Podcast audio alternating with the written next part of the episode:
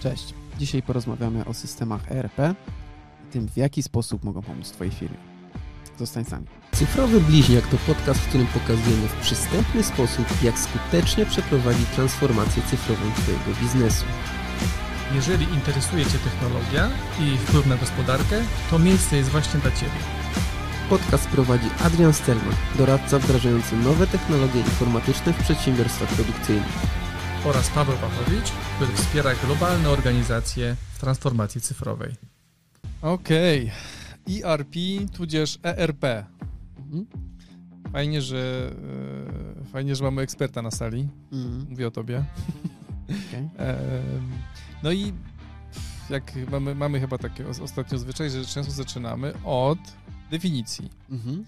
I, i ja bym podał e, jednozdaniową definicję Mhm. e, ERPA, a ty potem może byś to jakby rozwinął, bo pewnie można by o tym mówić i pisać, z czego on to nie robi, a robi, a robi bardzo wiele rzeczy, zresztą o, o tym pogadamy.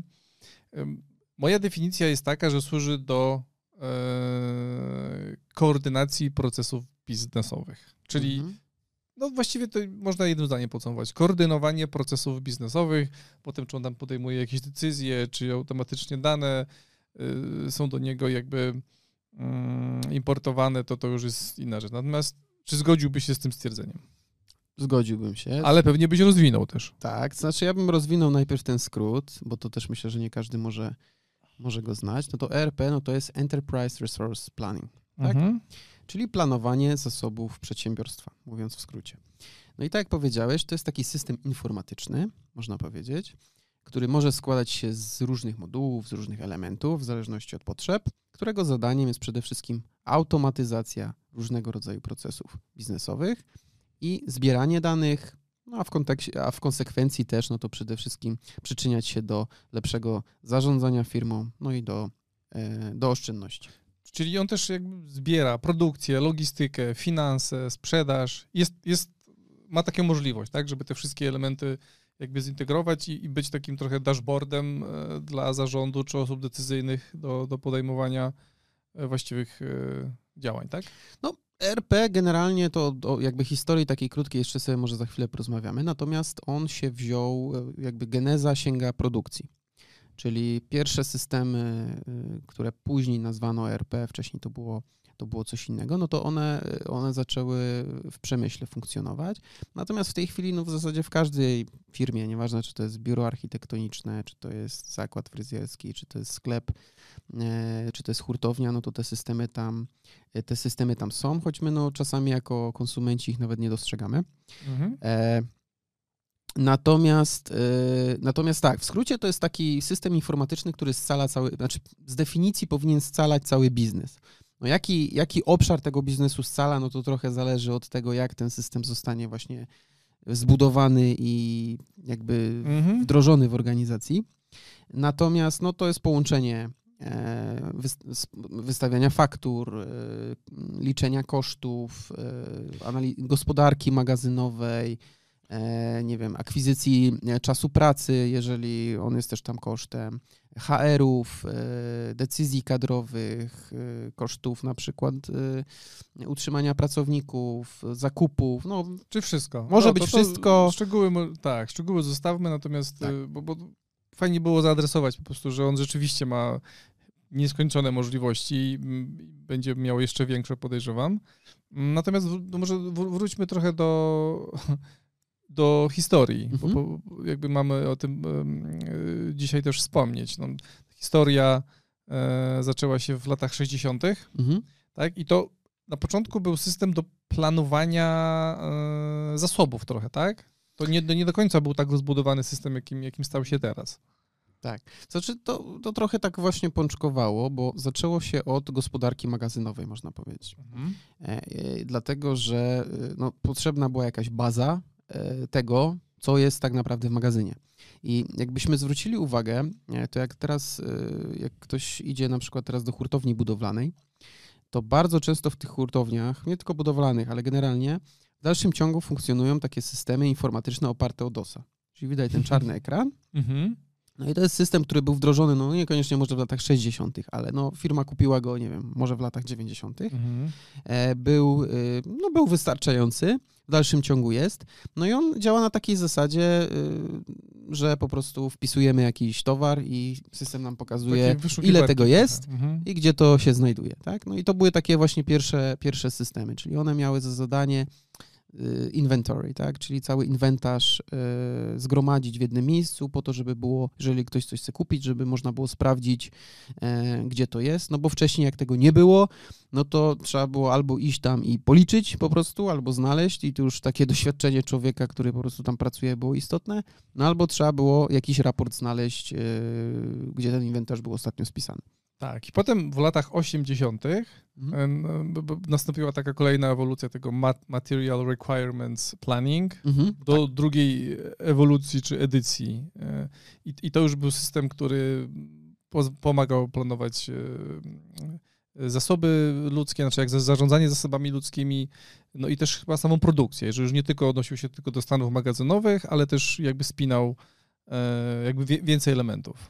Tak, no to był taki moment, kiedy y, można było, y, mieliśmy w jednym miejscu właśnie zarówno tą część magazynową, jak i te, tą część związaną z jakby z przesyłaniem tego towaru, czy to właśnie na produkcji wewnątrz tych, można powiedzieć, wewnętrznego obiegu towaru, tak? No bo to nie, bo jeżeli my patrzymy e, z punktu widzenia hurtowni, no to to jest często tak, że jest jeden duży magazyn i tam są te towary. Natomiast w firmach produkcyjnych to jest tak, że mamy czasami różne magazyny na różnych szczeblach e, produkcji. To znaczy jest magazyn na przykład przy maszynie jednej, jest magazyn na produkcji, jest inny magazyn już z wyrobem gotowym i tak dalej.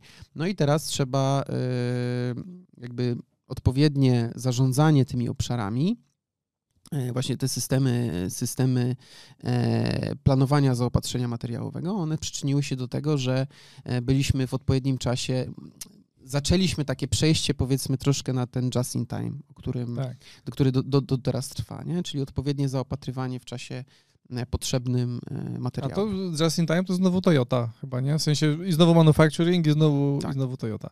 Ale to okej, i potem, potem była y, obecna faza rozwoju, wydaje mi się, ERP-ów, czyli lata 90. I wtedy chyba pojawiła się już taka modułowość, w której y, pojawiło się dużo więcej opcji, tak? Czyli wtedy y, te lata 90. to już, to już stało takie stricte narzędzie jakby informatyczne, i w dużej mierze działające o real-time data. No, to jest tak z każdym, z każdym jak, jak sobie popatrzymy na do, e- ewolucję dowolnej technologii, no to ona właśnie ewoluowała w taki sposób, że zaczynało się od tego, tych problemów, od rozwiązywania tych problemów, które najbardziej bolały.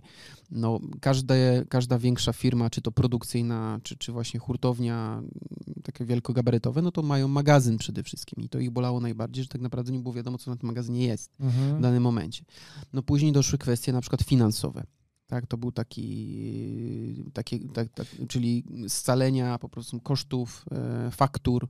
E, no a kolejna rzecz doszła księgowość cała, tak, logistyka, czyli już nie tylko e, inwentarz, który jest na magazynie, ale też planowanie dostaw konkretnych. No a następnie takim bardzo ważnym też przełomem to było zbudowanie modułu, pierwszych modułów takich CRM Mhm. czyli do zarządzania relacjami tak naprawdę z klientami. No bo w tym momencie mieliśmy połączenie dwóch stron biznesu, czyli to, co się dzieje in-house'owo, czyli Mhm. tej tak zwanej realizacji ze sprzedażą. Mogliśmy to po prostu w jednym miejscu ze sobą scalić. Okej, czyli to jakby opisałeś teraz, jak się różnił ten CRM kiedyś od tego, który jest y, teraz, tak? Znaczy Jak- CRM kiedyś... Znaczy, przepraszam, CRM. ERP. ERP. ERP. A CRM jest częścią ERP-a, tak, tak, tak. Y, Troszkę się tutaj y, sam zakręciłem. Mm, No dobra, no to w tych latach 90. zaczęła się, tak, zaczęła się taka tendencja do, do, do, do, tworzenia, do, do tworzenia tego rozwiązania w taki modułowy sposób. Mhm.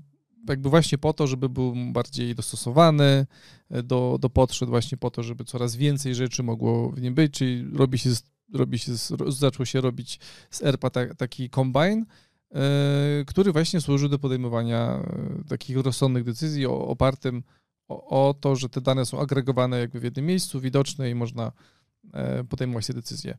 E, Jakbyśmy mogli chwilę o tej modułowości porozmawiać. Mhm. E, No bo to benefity modułowości, ok, są, są jakby oczywiste. Przed chwilą już zaznaczaliśmy, że tych modułów może być kilka, kilkanaście, nie wiem, może kilkadziesiąt, nawet w zależności od, od, od skali organizacji. Mhm. Jak dobrać y, y, te moduły do, mm, y, do, do danej organizacji? Znaczy, wiesz co, o tym sobie może tak w szczegółach powiemy też w następnym odcinku. Mhm.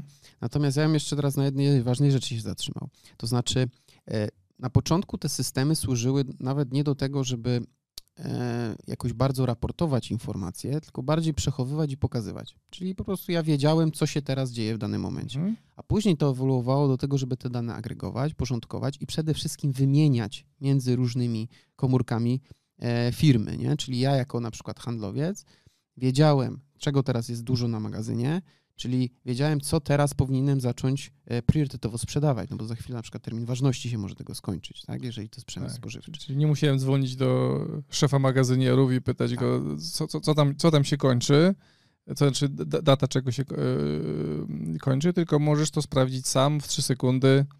Ale, a czy, czy to też działa w drugą stronę, Mhm. że ten, ta osoba na magazynie też uzyskuje jakąś informację, na przykład co się sprzedaje najlepiej?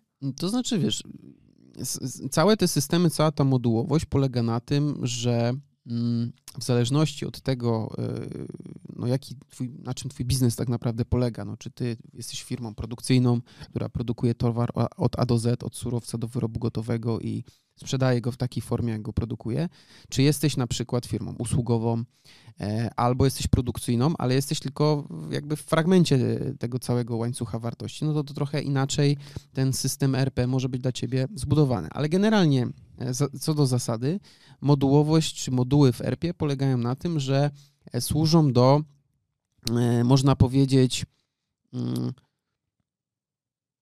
zautomatyzowania czy pomocy jakiegoś konkretnego obszaru biznesowego. W komunikacji, tak? Komunikacji też. Mhm. Czyli zautomatyzujemy i mm, i dany obszar biznesowy. Obszarem biznesowym może być magazyn, obszarem biznesowym może być księgowość, obszarem biznesowym może być produkcja, choć tutaj no, ten obszar jest bardzo, Czy- powiedzmy, pojemny. Mhm.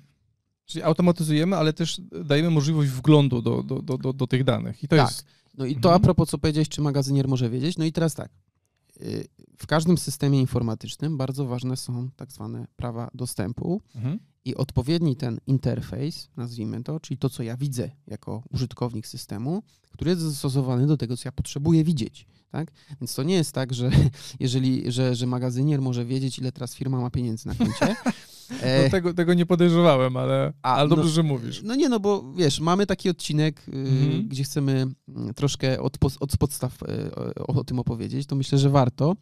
E, dlatego y, to wszystko zależy właśnie, jak ten system jest skonstruowany, nie? Okej. Czyli jakie mamy poziomy, y, jakie mamy poziomy dostępów. Bo te poziomy dostępów, to, to jakby, ja bym to jednym zdaniem rozwinął. To chodzi o to, że y, teoretycznie wszyscy patrzymy na to samo, ale każdy ma inny interfejs tego, co widzi, bo nie Tak. każdemu te informacje są potrzebne. Tak jak mówisz, pewnie te informacje o środkach finansowych magazynierowi nie są potrzebne e, do końca. Czyli jakby reasumując, wybór tych modułów zależy od rodzaju działalności. Tak. I, i oczekiwań. Tak, bo to kiedyś omówimy w jakimś odcinku bardziej szczegółowo. Tak. Teraz chyba nie ma co się na tym, na tym skupiać.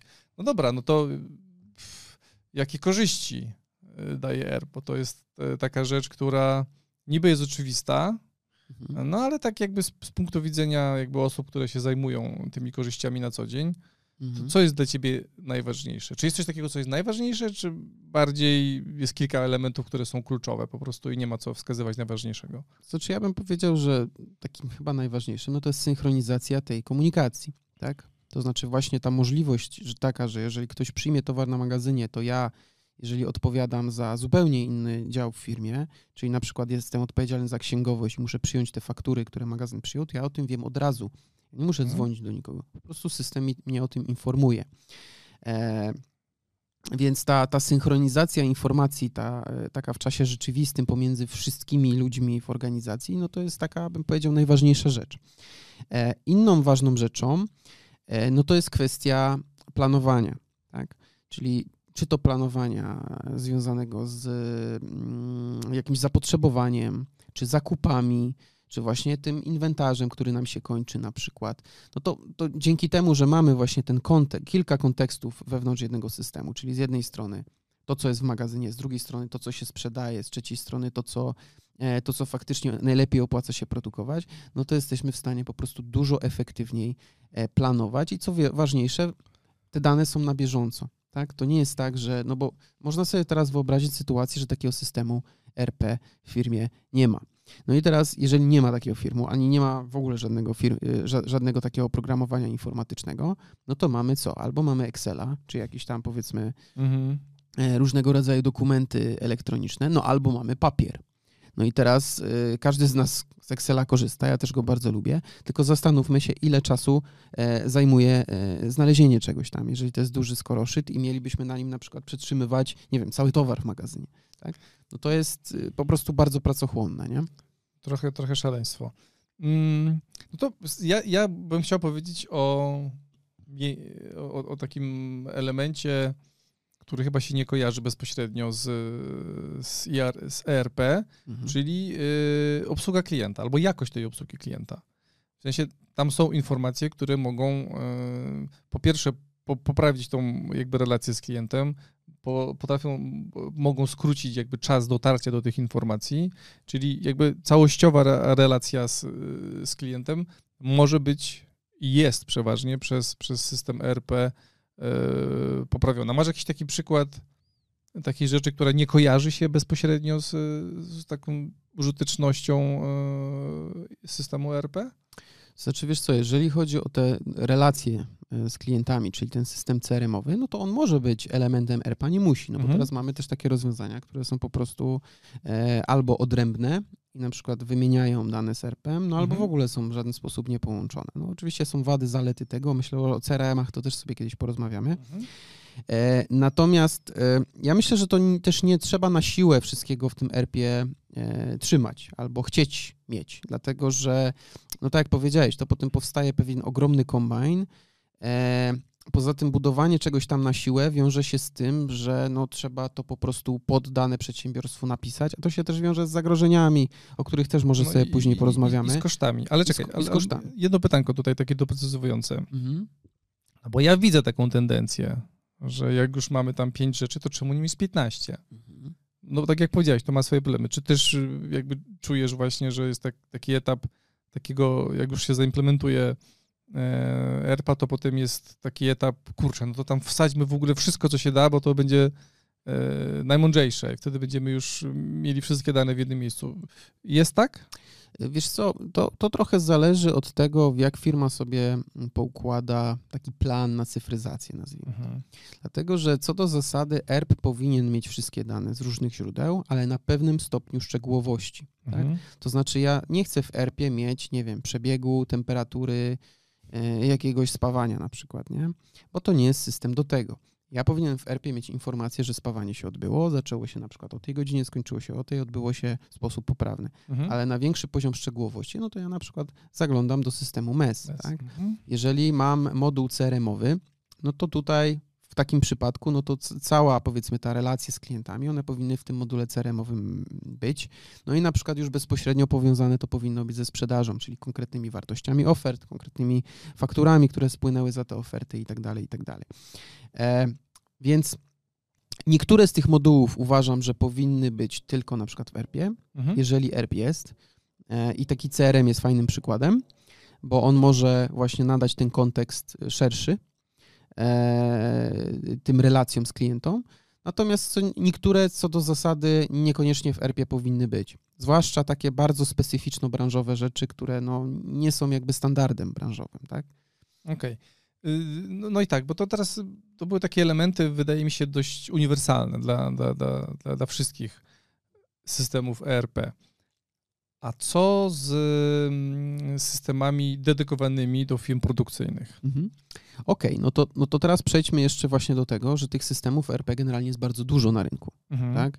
Są oczywiście giganci branżowi, E, myślę, że w taki szczegół, czy, czym te systemy się różnią, to sobie też osobno nagramy. Natomiast no, mamy e, takie najbardziej znane roz, rozwiązania, to jest na przykład SAP niemiecki, to jest JD Edwards, e, to jest Microsoft Dynamics, e, tak, IFS. Tych rozwiązań troszkę jest i to już są rozwiązania raczej dedykowane do dużych graczy. Tak? My na polskim rynku też mamy firmy, które takie rozwiązania klasy RP budują. No, więc mamy systemy takie powiedzmy dużego gabarytu, no ale mamy też takie systemy mniejsze, można powiedzieć pudełkowe, bardziej mhm. takie sasowe. E, czyli w zasadzie takie, które można zbudować w ciągu paru godzin. Tak? Mhm. No i teraz, jeżeli e, zarządzamy firmą produkcyjną, to raczej nie wyobrażam sobie, żeby w takie gotowe rozwiązanie pójść.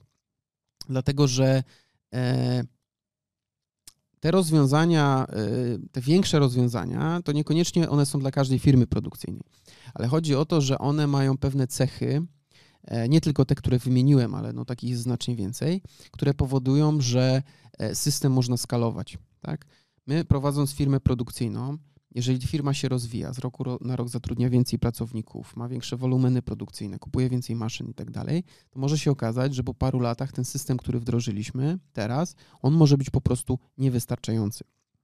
E, no i teraz, jeżeli wdrożyliśmy system, który jesteśmy w stanie rozbudowywać o kolejne moduły, o których wspomnieliśmy, albo który jest gotowy na to, żeby obsłużyć więcej danych, na przykład z tej produkcji, no to tak naprawdę y, jesteśmy w sytuacji komfortowej, no bo nie musimy teraz tego systemu bieżącego wyrzucić do kosza i budować nowego. Nie? A tak się w przypadku ERP-ów bardzo często zdarza, że firma jest za duża, żeby mieć system, który, który miała dotychczas. Nie?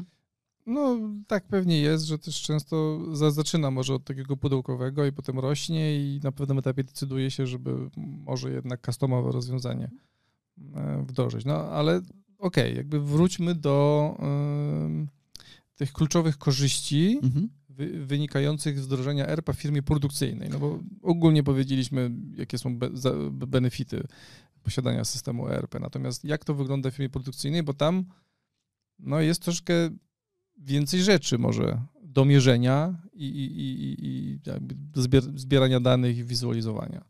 No tak, no bo jeżeli popatrzymy na firmę usługową, to dla firmy usługowej na przykład najważniejszym modułem ERPA e, może być CRM albo ten moduł finansowo-księgowy. Mhm. E, w firmie produkcyjnej ten moduł finansowo-księgowym w dalszym ciągu prawdopodobnie będzie najważniejszy, natomiast CRM już niekoniecznie. Jeżeli firma na przykład ma jednego albo dwóch dużych klientów, którym cały czas, e, których cały czas jest podwykonawcą, przykładowo. E, no i teraz tak, tu trzeba też rozróżnić pewne rzeczy, bo są systemy ERP, które są stricte dostosowane do pewnych branż, mhm. do pewnej specyfiki. Co do zasady, no każda firma produkcyjna no, jakiś magazyn ma, ma, jakiś, e, ma jakieś planowanie tej produkcji, jest jakaś rozliczenie tego planu, e, no jest ta finansowo-księgowość, tak? No ale są pewne rzeczy specyficzne, związane na przykład chociażby ze sposobem i poziomem szczegółowości, jeżeli chodzi o dokumentację, która ma zostać dostarczana do klienta, tak?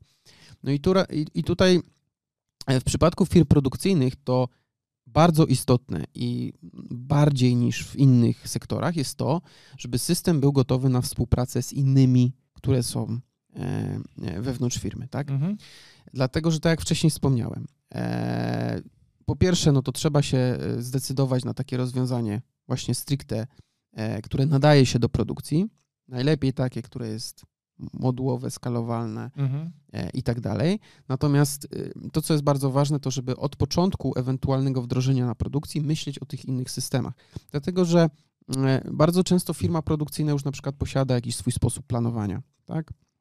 Albo posiada system zewnętrzny WMS, e, który służy do właśnie zarządzania gospodarką magazynową. No i teraz trzeba sobie zadać pytanie, czy zadaniem ERPA w takiej sytuacji jest to, żeby wyeliminować te systemy i je zastąpić, czy z nimi współpracować i na pewnym poziomie szczegółowości raportować. Więc ja myślę, że to jest, to jest najważniejsze pytanie, które sobie trzeba zadać przed podjęciem decyzji e, już takiej drogą eliminacji, którego ERPA e, wybrać, albo w którym kierunku w ogóle tą strategię wdrożenia ERPA kierować. Okej, okay, no to tak korzyść, która mi przychodzi do głowy, to jest taka w tych firmach produkcyjnych, no, że możesz zarządzać kontrolą jakości, co w firmie usługowej niekoniecznie jest potrzebne. No, no albo, albo nie jest potrzebne, bo tam mhm. bardziej się wykonuje jakby usługi i nie ma żadnego procesu, który trzeba mierzyć i sprawdzać, czy na końcu tego procesu, czy podczas tego procesu jakiś z jego etapów nie zadziałał. Mhm. Czyli może, może tyle, jeżeli chodzi o te korzyści, chyba że chcesz coś powiedzieć na przykład jeszcze. Wiesz co, no, optymalizacja kosztów e, i przede wszystkim takie, mm, taka wiedza, e, no, jakie mamy składowe poszczególnych kosztów, mhm. E, jaki mamy build of materials też, bo to jest bardzo ważne na produkcji, jak jest właśnie z tym bill of materials, czyli tymi e, powiedzmy e, materiałami, które służą nam do wytwarzania, e, jakie koszty się wiążą. Mamy w jednym miejscu informacje o, o kadrach, o płacach, czyli dla produkcji to jest bardzo ważne, dlatego że w usługach często to jest tak, że to ludzka praca jest jakby największym kosztem, tak? Dla firmy. E, no jest też oczywiście największą dźwignią, no ale jest największym kosztem. W przypadku firm produkcyjnych tych kosztów jest bardzo dużo. Tak? Tutaj energia elektryczna potrafi być droższa niż na przykład e, koszt utrzymania pracowników. E, dlatego powiązanie właśnie tych informacji ze sobą i z wyrobem gotowym, no to jest bardzo, jest kluczowa. Jasne. Mm, no dobra, to wydaje mi się, że mm, te szczególne uwarunkowania systemów ERP w, w przemyśle są, są jakby zrozumiałe. Mm, no i teraz przejdźmy do, do tych y, integracji, o których wspomnieliśmy, czyli mhm. no, ten system ERP powinien być jakby wybierany w taki sposób, żeby był gotowy na, na, na, na tę integrację. Czyli po pierwsze, jeżeli mówimy o firmach produkcyjnych, no to, to powinien być system dostosowany do firm produkcyjnych, e, no ale też gotowy na to, żeby się zintegrować z systemami, które prawdopodobnie już y, działają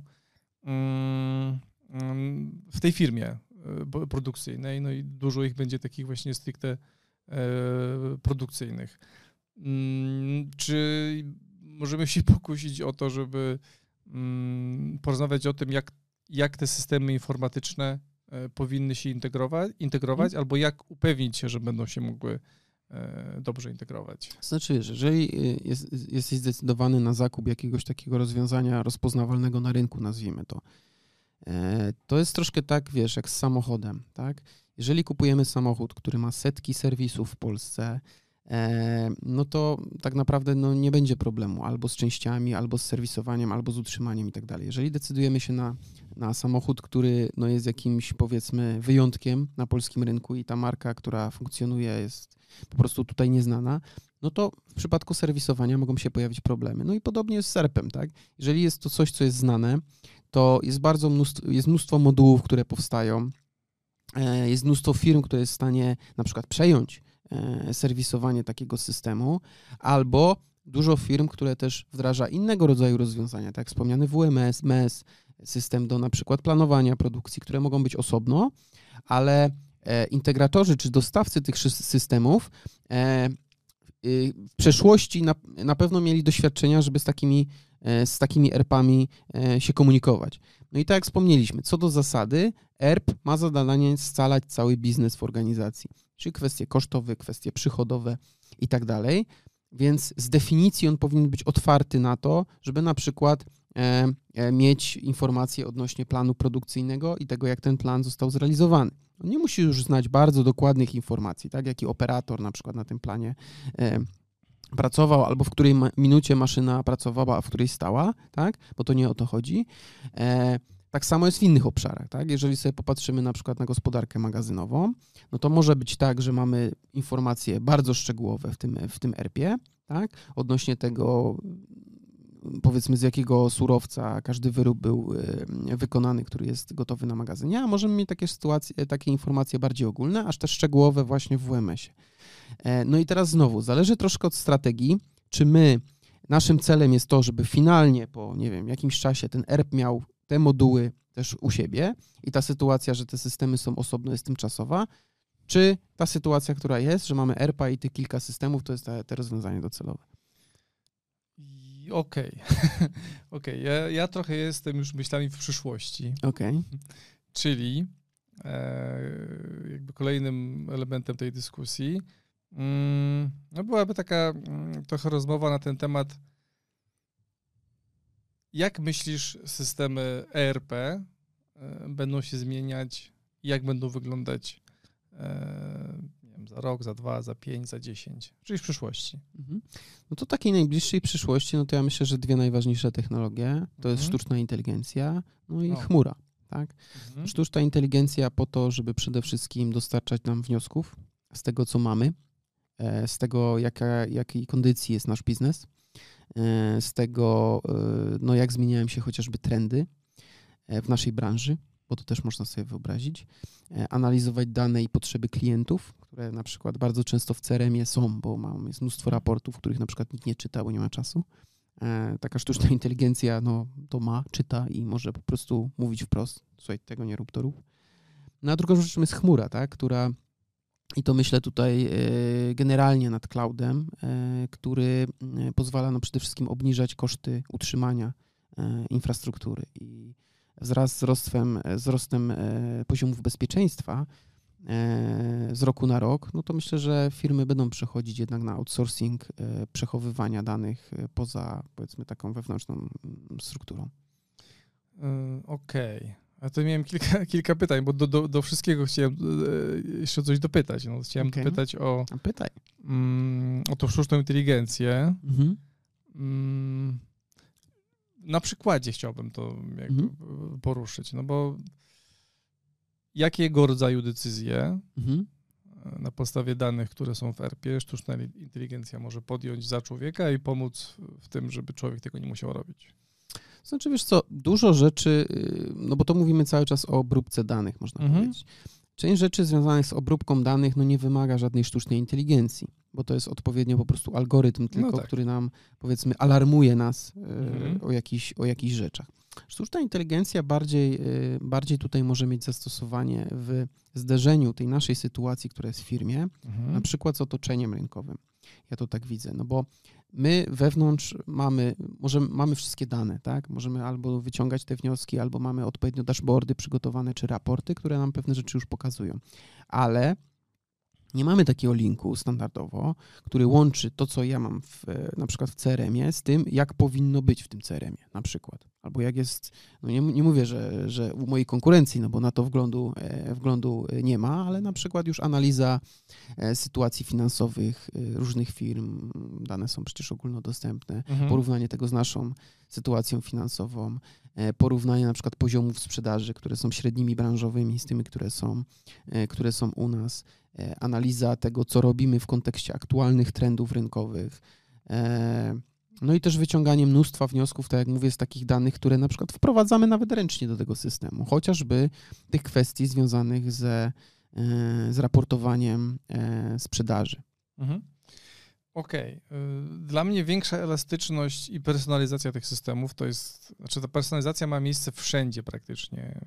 Nie, nie, nie, nie tylko jeżeli chodzi o systemy ERP, ale tak, tak coś czuję, że im, im, bardziej ta personalizacja jest, jest, nie wiem, w B2C dostrzegalna, ona też na tą strefę B2B się przenosi i jakby personalizowanie albo możliwość dodawania kolejnych y, modułów e, które jeszcze są e, w międzyczasie analizowane przez sztuczną inteligencję, e, czyli no, przez, przez AI.